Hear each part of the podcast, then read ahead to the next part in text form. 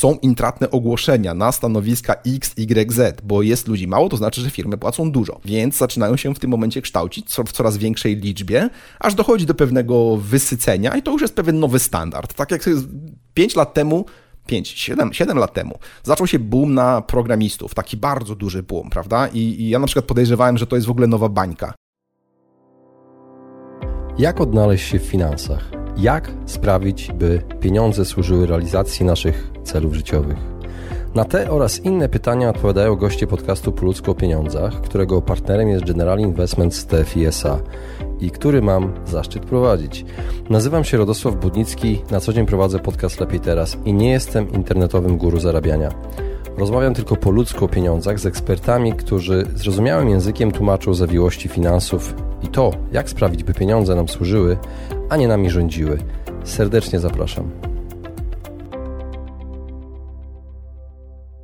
Witam Was serdecznie w kolejnym odcinku podcastu Po ludzko o pieniądzach. Dzisiaj moim gościem jest ekspert od rynku pracy i zdobywania pracy, Tomasz Rudnik, który opowie o tym, jak zabezpieczyć swoje stanowisko pracy przed niepewną przyszłością. Także moi drodzy, bardzo serdecznie zapraszam do wysłuchania tego niezwykle ważnego odcinka. Cześć Tomku. Cześć Radku. Witam Cię serdecznie w podcaście Po ludzko o pieniądzach, po raz kolejny i tym razem e, chciałbym z Tobą porozmawiać na temat, który można powiedzieć, że przyszedł do mnie od, e, od słuchaczy ponieważ mhm. wiele osób zastanawia się nad swoją e, przyszłością zawodową w tych tak niepewnych czasach, jakie mamy teraz. I chciałbym z Tobą porozmawiać o tym, jak zabezpieczyć swoje stanowisko pracy przed niepewną przyszłością.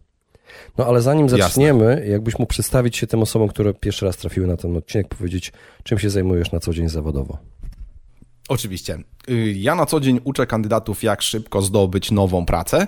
Jest to wiedza oparta o metody headhunterów, ponieważ headhunterzy zazwyczaj docierają do ludzi, którzy zatrudniają i proponują im swoich kandydatów. Y, natomiast w tej wersji, którą ja proponuję kandydatom, jest to ścieżka bezpośrednia i mm, dużo lepiej się to sprawdza y, niż na przykład tylko i wyłącznie wysyłanie CV w odpowiedzi na ogłoszenia w tych czasach. Także ogólnie rzecz biorąc, statystyka jest bardzo ciekawa, bo kandydaci z tą wiedzą zdobywają pracę w ciągu średnio 3 tygodni, już prawie 4000 osób zdobyło pracę, także myślę, że można mówić o samych y, sukcesach. I życzę sobie, żeby tych kandydatów było jeszcze więcej, bo to tak naprawdę powstaje mała armia, która już zaczyna zmieniać rzeczywistość na, na rynku pracy w naszym kraju. No tak, ale ta, y, to bezpieczeństwo pracy, mówię o bezpieczeniu stanowiska na przyszłość, teraz w tych czasach jest trochę, wiesz, takie niepewne.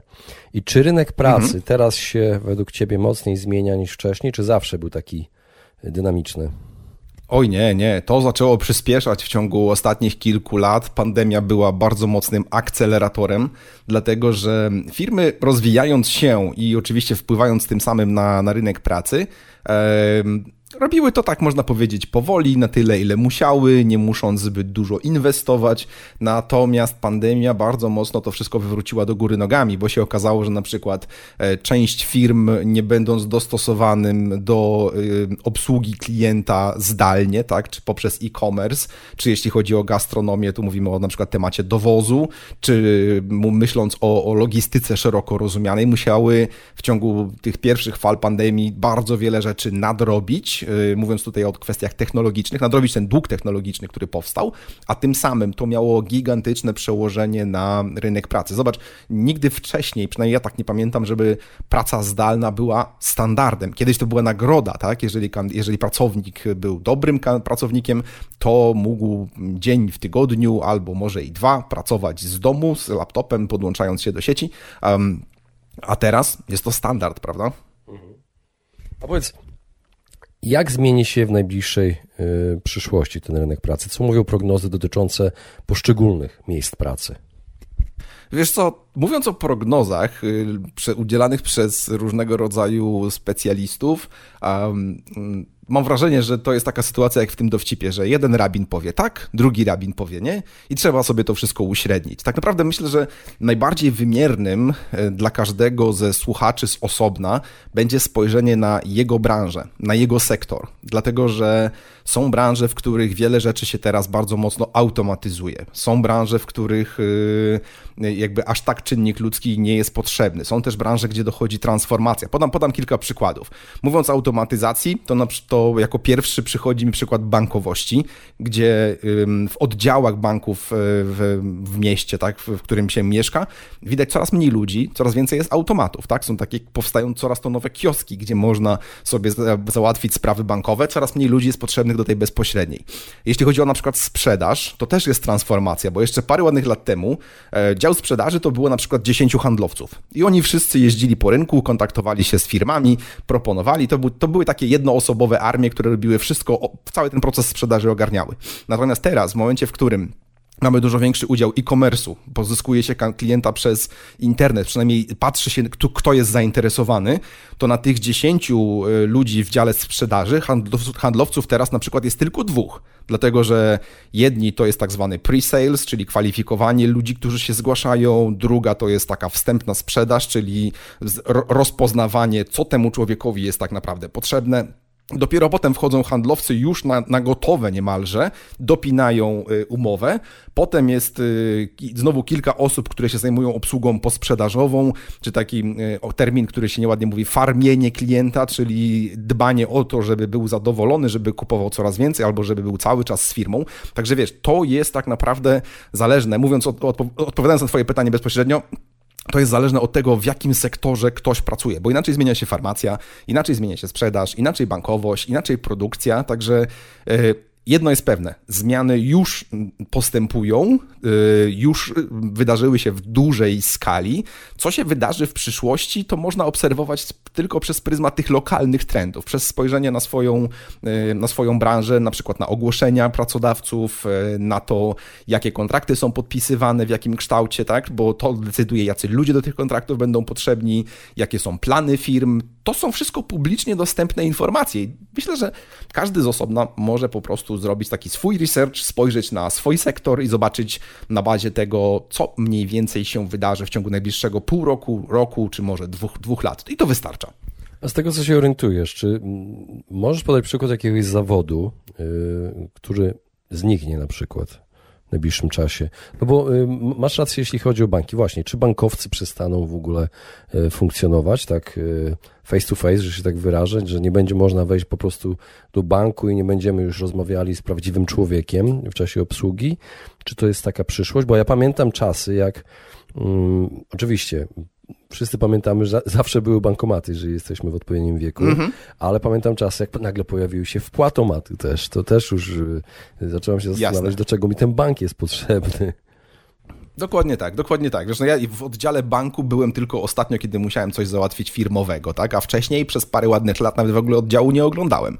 Więc y, pytanie twoje, czy, mm, czy zawody znikną? Ja myślę, że mało jest prawdopodobne, że znikną, tylko że się bardzo, bardzo mocno zredukują, bo zawsze będą ludzie, którzy będą potrzebowali jednak tego, co było kiedyś. Zwłaszcza, że spoglądając na strukturę naszego społeczeństwa, na naszą demografię, coraz więcej jest osób w wieku, mówiąc tak podeszłym, tak, y, albo senior, albo silver, albo to już jakby nazw jest dużo i te osoby nie wszystkie będą chciały się przesiadać na nowe technologie, na nowe rozwiązania. Dla nich zawsze zostanie ten taki ogonek ym, starej formy usług, starej formy obsługi, czy starej formy przeproponowania produktów, tylko że to będzie bardzo mocno y, zredukowane, prawda? Także mi się wydaje, że trudno mówić o zawodach, które by tak zniknęły zupełnie. No tak, no bo y, Kowali dalej możemy znaleźć, prawda? W niektórych miejscach. Dokładnie. Może nie tak często. No ale w wypożyczalni kaset wideo już raczej nie uświadczysz. To jest bardzo ciekawe. Albo punkty tak, naprawy prawda. magnetowidów, pamiętasz? Że... Mhm.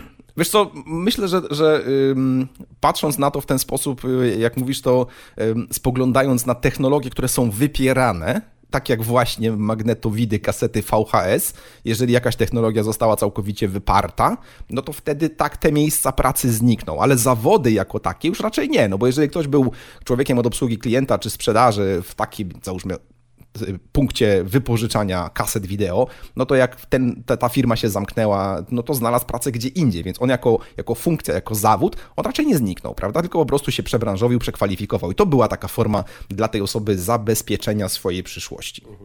A no dobrze, no, z drugiej strony, jakie według Ciebie się pojawią? Jakie, y, jakie są zawody przyszłości? Co mówią prognozy? Wiesz co, y, to jest ciekawe, bo mm, tu też raczej nie można się bawić w jasnowidza, tylko też spojrzeć na te takie mikro, mikrotrendy na przestrzeni najbliższych 6 miesięcy, czy roku, czy dwóch. Zobacz, jak spojrzeć na to na, na 12 lat temu, jak ja się zalogowałem pierwszy raz na Facebooka, prawda? Wtedy nikt nie był w stanie przewidzieć, że to będzie tak potężna gałąź reklamy, dotarcia do ludzi i w ogóle miejsca, gdzie ludzie spędzają swój czas. No nie było takiego jasnowidza, który by to przewidział. Natomiast zawężając to nie na 12 lat, ale na przykład na 5 lat do przodu, kiedy e, firmy odkryły, że ludzie spędzają tam czas, czyli to jest miejsce, gdzie można dotrzeć do nich z reklamami, zaczęły w to inwestować, Facebook zaczął reagować na to e, coraz bardziej, no to to już jest pewna predykcja zmiany, tak? W sensie już można wiedzieć, jakby w którym kierunku to, to zacznie iść. Teraz, jeśli chodzi o nowe media społecznościowe, zobacz, mamy TikToka, który, z którego y, korzysta głównie młodsza część naszej populacji, ale oni też za chwilę będą mieli już lat 30, 40 i to jest miejsce, gdzie można kierować jakby swoją uwagę, jeśli chodzi o, o dotarcie do, do odbiorców, prawda, reklamę i tak dalej, tak dalej. Więc, więc myślę, że na tej bazie można przewidywać, co tak naprawdę y, powstanie.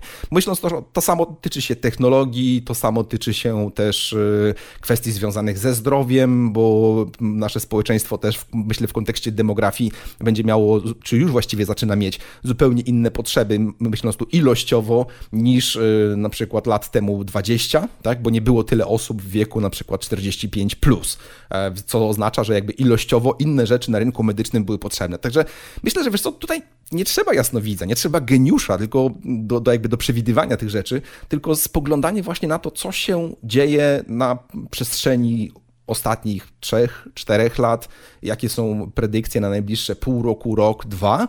I to myślę, powtarzając sukcesywnie, da nam w miarę stały, stałą możliwość przewidywania, co się wydarzy, jak się wo wobec tego ustawić. Co ja miałem wrażenie, że rynek pracy bardzo y, kształtuje, rozwój rynku pracy bardzo kształtuje właśnie rozwój też technologii. I ona ma ogromny wpływ na to, w jakim kierunku idzie w ogóle rynek pracy. Dokładnie tak, no bo zobacz, technologia jest pewnego rodzaju narzędziem. Tutaj mówię tu o bardzo szerokim zakresie, bo inna technologia jest w bankowości, inna w produkcji, inna w ciężkim sprzęcie, inna w farmacji i tak dalej. Natomiast y, technologia się cały czas y, rozwija.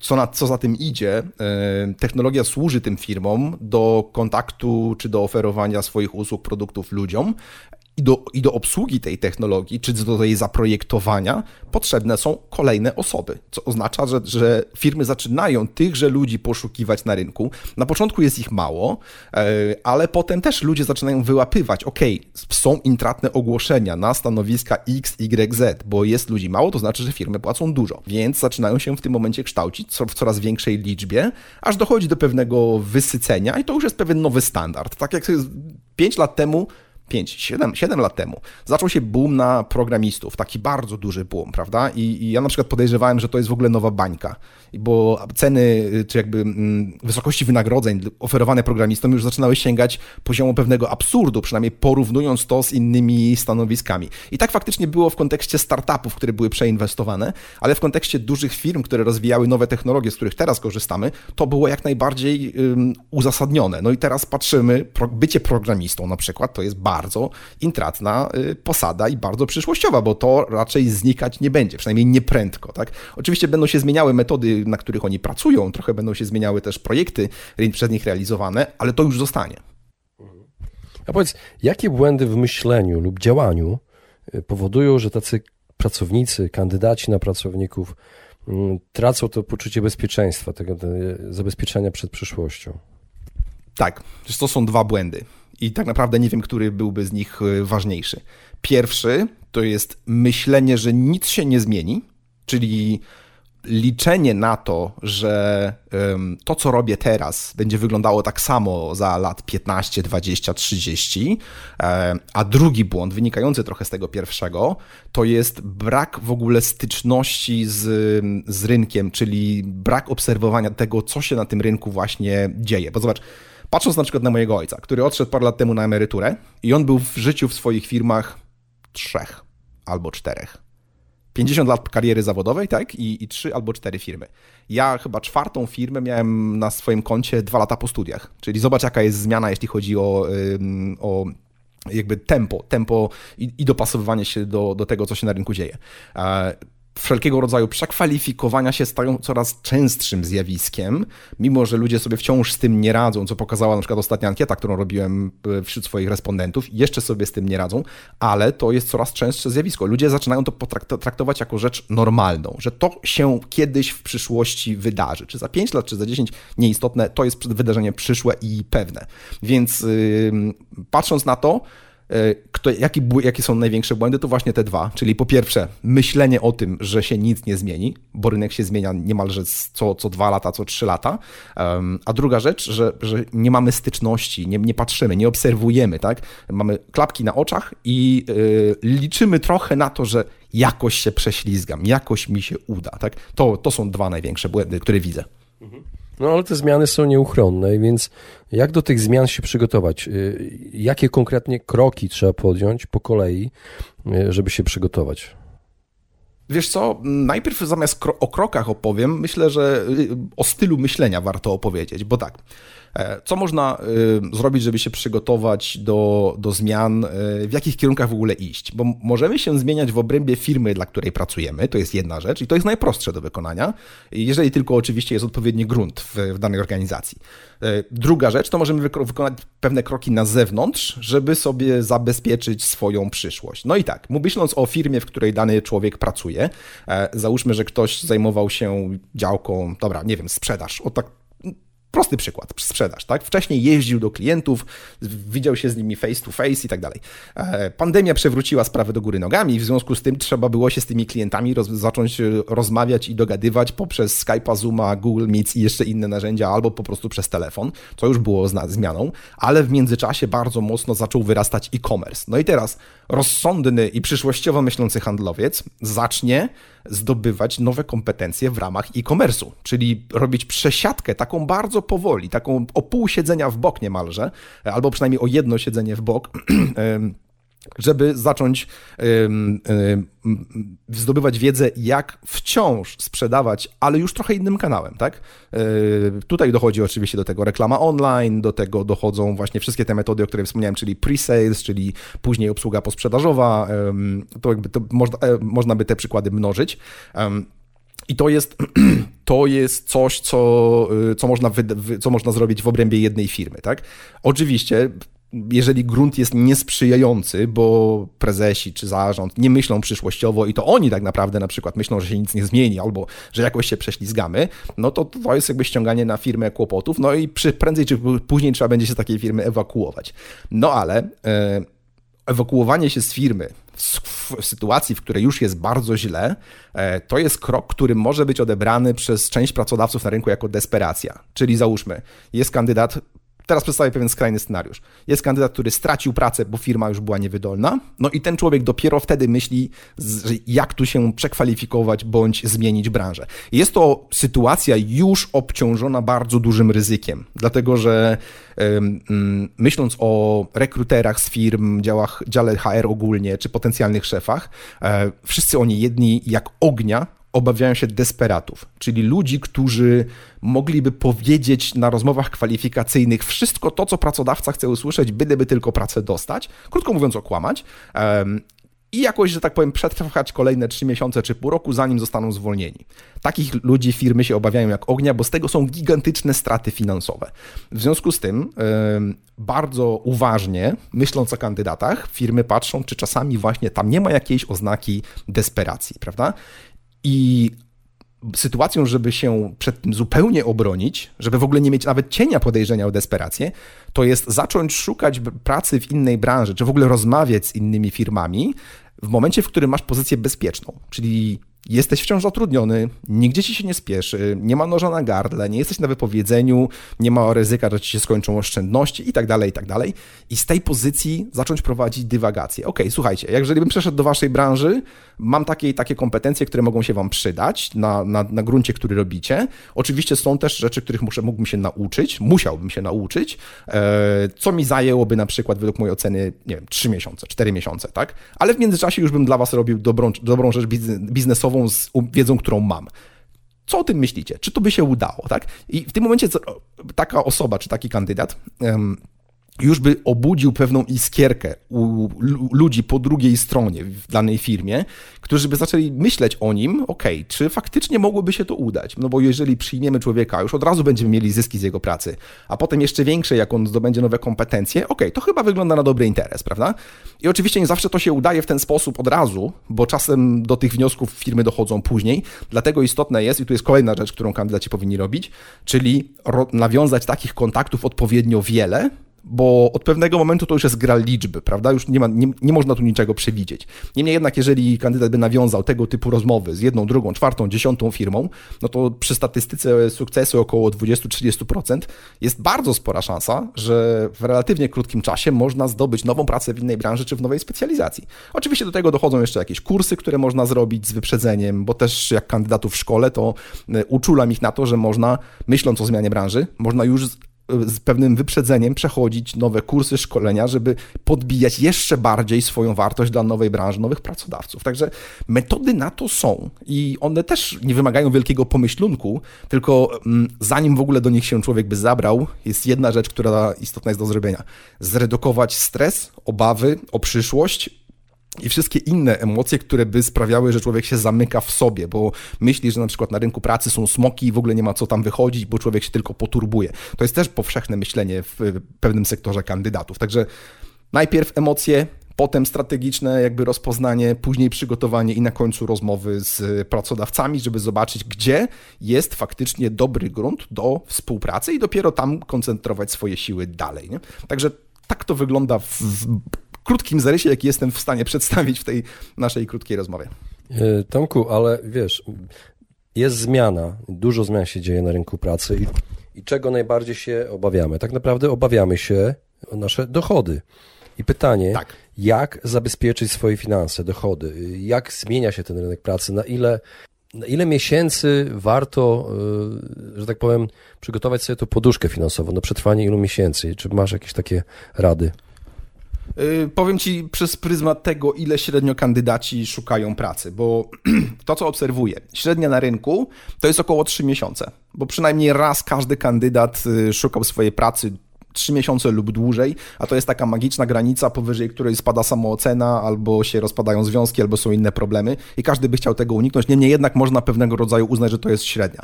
E, szczęśliwie wśród ludzi, których przeszkoliłem, średnia zmiany pracy to jest około trzech tygodni, prawda? Więc e, jeżeli ktoś by nie chciał być przeszkolony, tudzież nie zdobywać wiedzy na temat rynku pracy, e, czyli czeka go ten scenariusz trzymiesięczny, no to myślę, że 3 plus 1 jeszcze w ramach rezerwy, czteromiesięczną pensję, albo przynajmniej koszty czteromiesięczne utrzymania, bo wiadomo, że jak ktoś nie ma pracy, to mniej wydaje. Um, już sobie nie szaleje aż tak. Um, warto sobie to zabezpieczyć, tak żeby po prostu nie zjadły człowieka zbytnie stresy. W przypadku ludzi przeszkolonych to jest y, kwestia, nie wiem, dwóch miesięcy max, e, w sensie jeden miesiąc plus jeden miesiąc rezerwy i to są takie pieniądze, które gwarantują po pierwsze pierwsze, że jeżeli firma by się z pracownikiem rozstała w sposób nieoczekiwany, no to nie będzie on na lodzie. Ale to jest też, jeszcze jest lepsza wiadomość tutaj, to jest też kwota, że jeżeli ona jest zgromadzona na koncie i sobie leży, to nawet w sytuacji, kiedy e, to pracownik chciałby zrezygnować, bo ma fatalnego szefa, ma fatalny klimat w zespole, już dłużej tam nie wytrzyma, albo jest ofiarą mobbingu, albo jeszcze inne scenariusze, które dyktują, że lepiej tam w tej firmie nie zostawać, to mając tą kwotę 3-4 miesięczną czy dwumiesięczną, to już zależy od scenariusza, można o wiele łatwiej rzucić papierami i powiedzieć, słuchajcie, wszędzie będzie lepiej niż tu, więc odchodzę, prawda? I, i y, dzięki temu y, można nawet w obliczu zmian, słuchaj, na, na rynku można relatywnie szybko znaleźć pracę albo właśnie nie mieć stresów. Mówię o tym też z, jakby potwierdze, z potwierdzeniami e, z życia wziętymi, bo część moich klientów, którzy w trakcie drugiej fali pandemii, czyli wtedy, kiedy było najgorzej na rynku jak na razie, myśląc o ostatnich latach, no to oni zdobywali pracę w ciągu trzech tygodni, czterech. Jeden człowiek, który się przekwalifikowywał do branży IT, poszukiwania zajęły mu pięć tygodni, no ale umówmy się, to nie jest długo, prawda? To nie są trzy miesiące, tylko to, to jest scenariusz do zrealizowania realizowania we w miarę rozsądnym zakresie. Także myślę, że pod tym kątem trzeba patrzeć, bo tu nie chodzi o to, żeby mieć, nie wiem, roczną pensję zabezpieczenie. Okej, okay, jak ktoś ma i chce, super, jak, jak to sprawi, że będzie się z tym czuł bezpiecznie, świetnie, ale to nie jest aż tak y, wysoki poziom wymagany. No ale jak, jeżeli człowiek y, czuje się niepewnie w swojej pracy, czuje, że będą zmiany jakieś wielkie i, i boi się o swoje dochody, może warto przejrzeć swój budżet. To tak ode mnie już rada. Warto przejrzeć swój, Oj, swój budżet, zastanowić się, na jakie rzeczy wydajemy co miesiąc pieniądze, tak naprawdę, bo okazuje się, że możemy zrezygnować z pewnych subskrypcji, które mamy wykupione, z których prawie nie korzystamy, a i tak jest nam to pobierane z karty automatycznie, więc to jest... I oczywiście, że tak. Słuchaj, to jest... Ja, ja dałbym sobie pół palca uciąć, że masa osób w ogóle nawet nie jest świadoma, ile pieniędzy, ile procent ze swojej pensji wydaje na rzeczy, bez których totalnie by byli szczęśliwi i e, w sensie wciąż szczęśliwi i nawet by nie odczuli, prawda? To są jakieś wyjścia, e, wyjścia typowo dla przyjemności, które czasami po prostu konsumują więcej pieniędzy niż to, to jest potrzebne, bo, bo można um, albo zmienić formę i wciąż jakby mieć przyjemność z spędzonego czasu, nie wydając tak gigantycznych ilości pieniędzy, bo umówmy się, niektóre usługi są po prostu mm, obarczone sporą marżą, dlatego że firmy mogą to robić. I jeżeli przejrzymy swoje budżety i właśnie podsumujemy nawet w skali miesiąca, za trzy miesiące wstecz, ile pieniędzy szło nam na przyjemności, ile na obowiązkowe rzeczy, opłaty, ile na życie, na jedzenie, na podróże, paliwo do samochodu i tak dalej, e, to w tym momencie będzie bardzo proste porównanie, jakie są nasze realne koszty życia, bo wiesz, jakby dostając pensję na konto, jak się pracuje na etacie, no to wydaje się, jeżeli nie ma kontroli budżetowej, to się wydaje wszystko, prawda?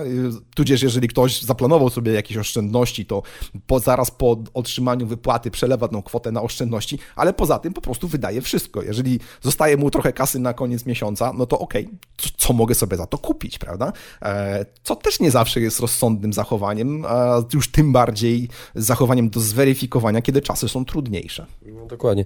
Tomku, i na koniec ostatnie pytanie jakaś konkretna rada, co jest w cenie mm, u pracodawców, czyli y, w niedługiej przyszłości, co będzie w cenie, czyli jakie szkolenia, jakie, jakie umiejętności, zdolności, może miękkie jakieś, nie wiem, albo twarde. Mhm.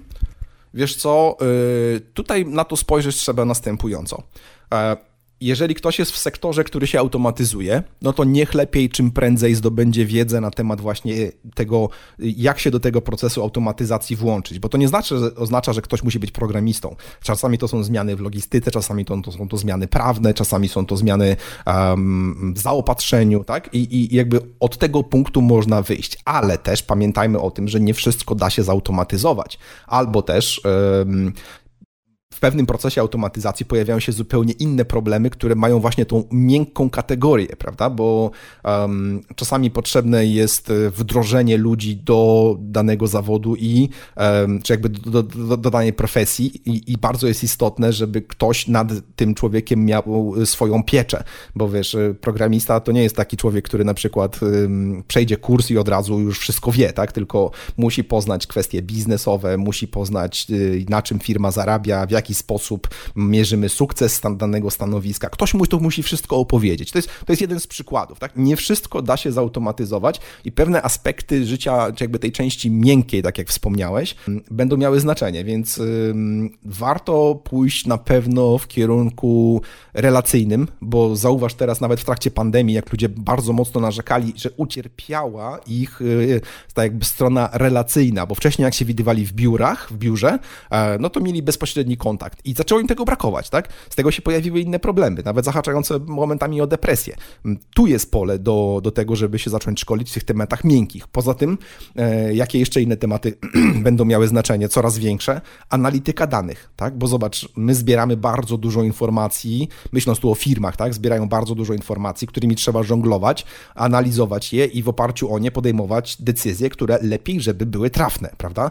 Czyli znajomość właśnie tej, tejże informacji nawet y, prosta analityka, myśląc o Excelu, już nie mówię tu o jakichś bardzo zaawansowanych narzędziach, w skali firmy średniej bądź małej, y, zebranie danych na temat klientów, y, ich zachowań i w oparciu o to podejmowanie decyzji o rozwoju dalszym firmy, to już będzie konkretna wartość. Także myślę, że w tych kierunkach właśnie warto iść. Oczywiście to jest temat na, wiesz, na kolejnych parę godzin rozmowy, więc tutaj tego nie zmieścimy, więc podałem pewnego rodzaju próbkę. Super. Tomku, bardzo Ci dziękuję za rozmowę. Ja również dziękuję. Do usłyszenia. Właśnie wysłuchaliście podcastu Po ludzku o pieniądzach. Mam nadzieję, że Wam się podobało.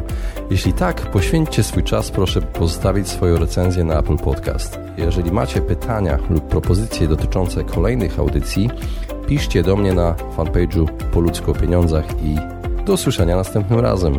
Pozdrawiam serdecznie.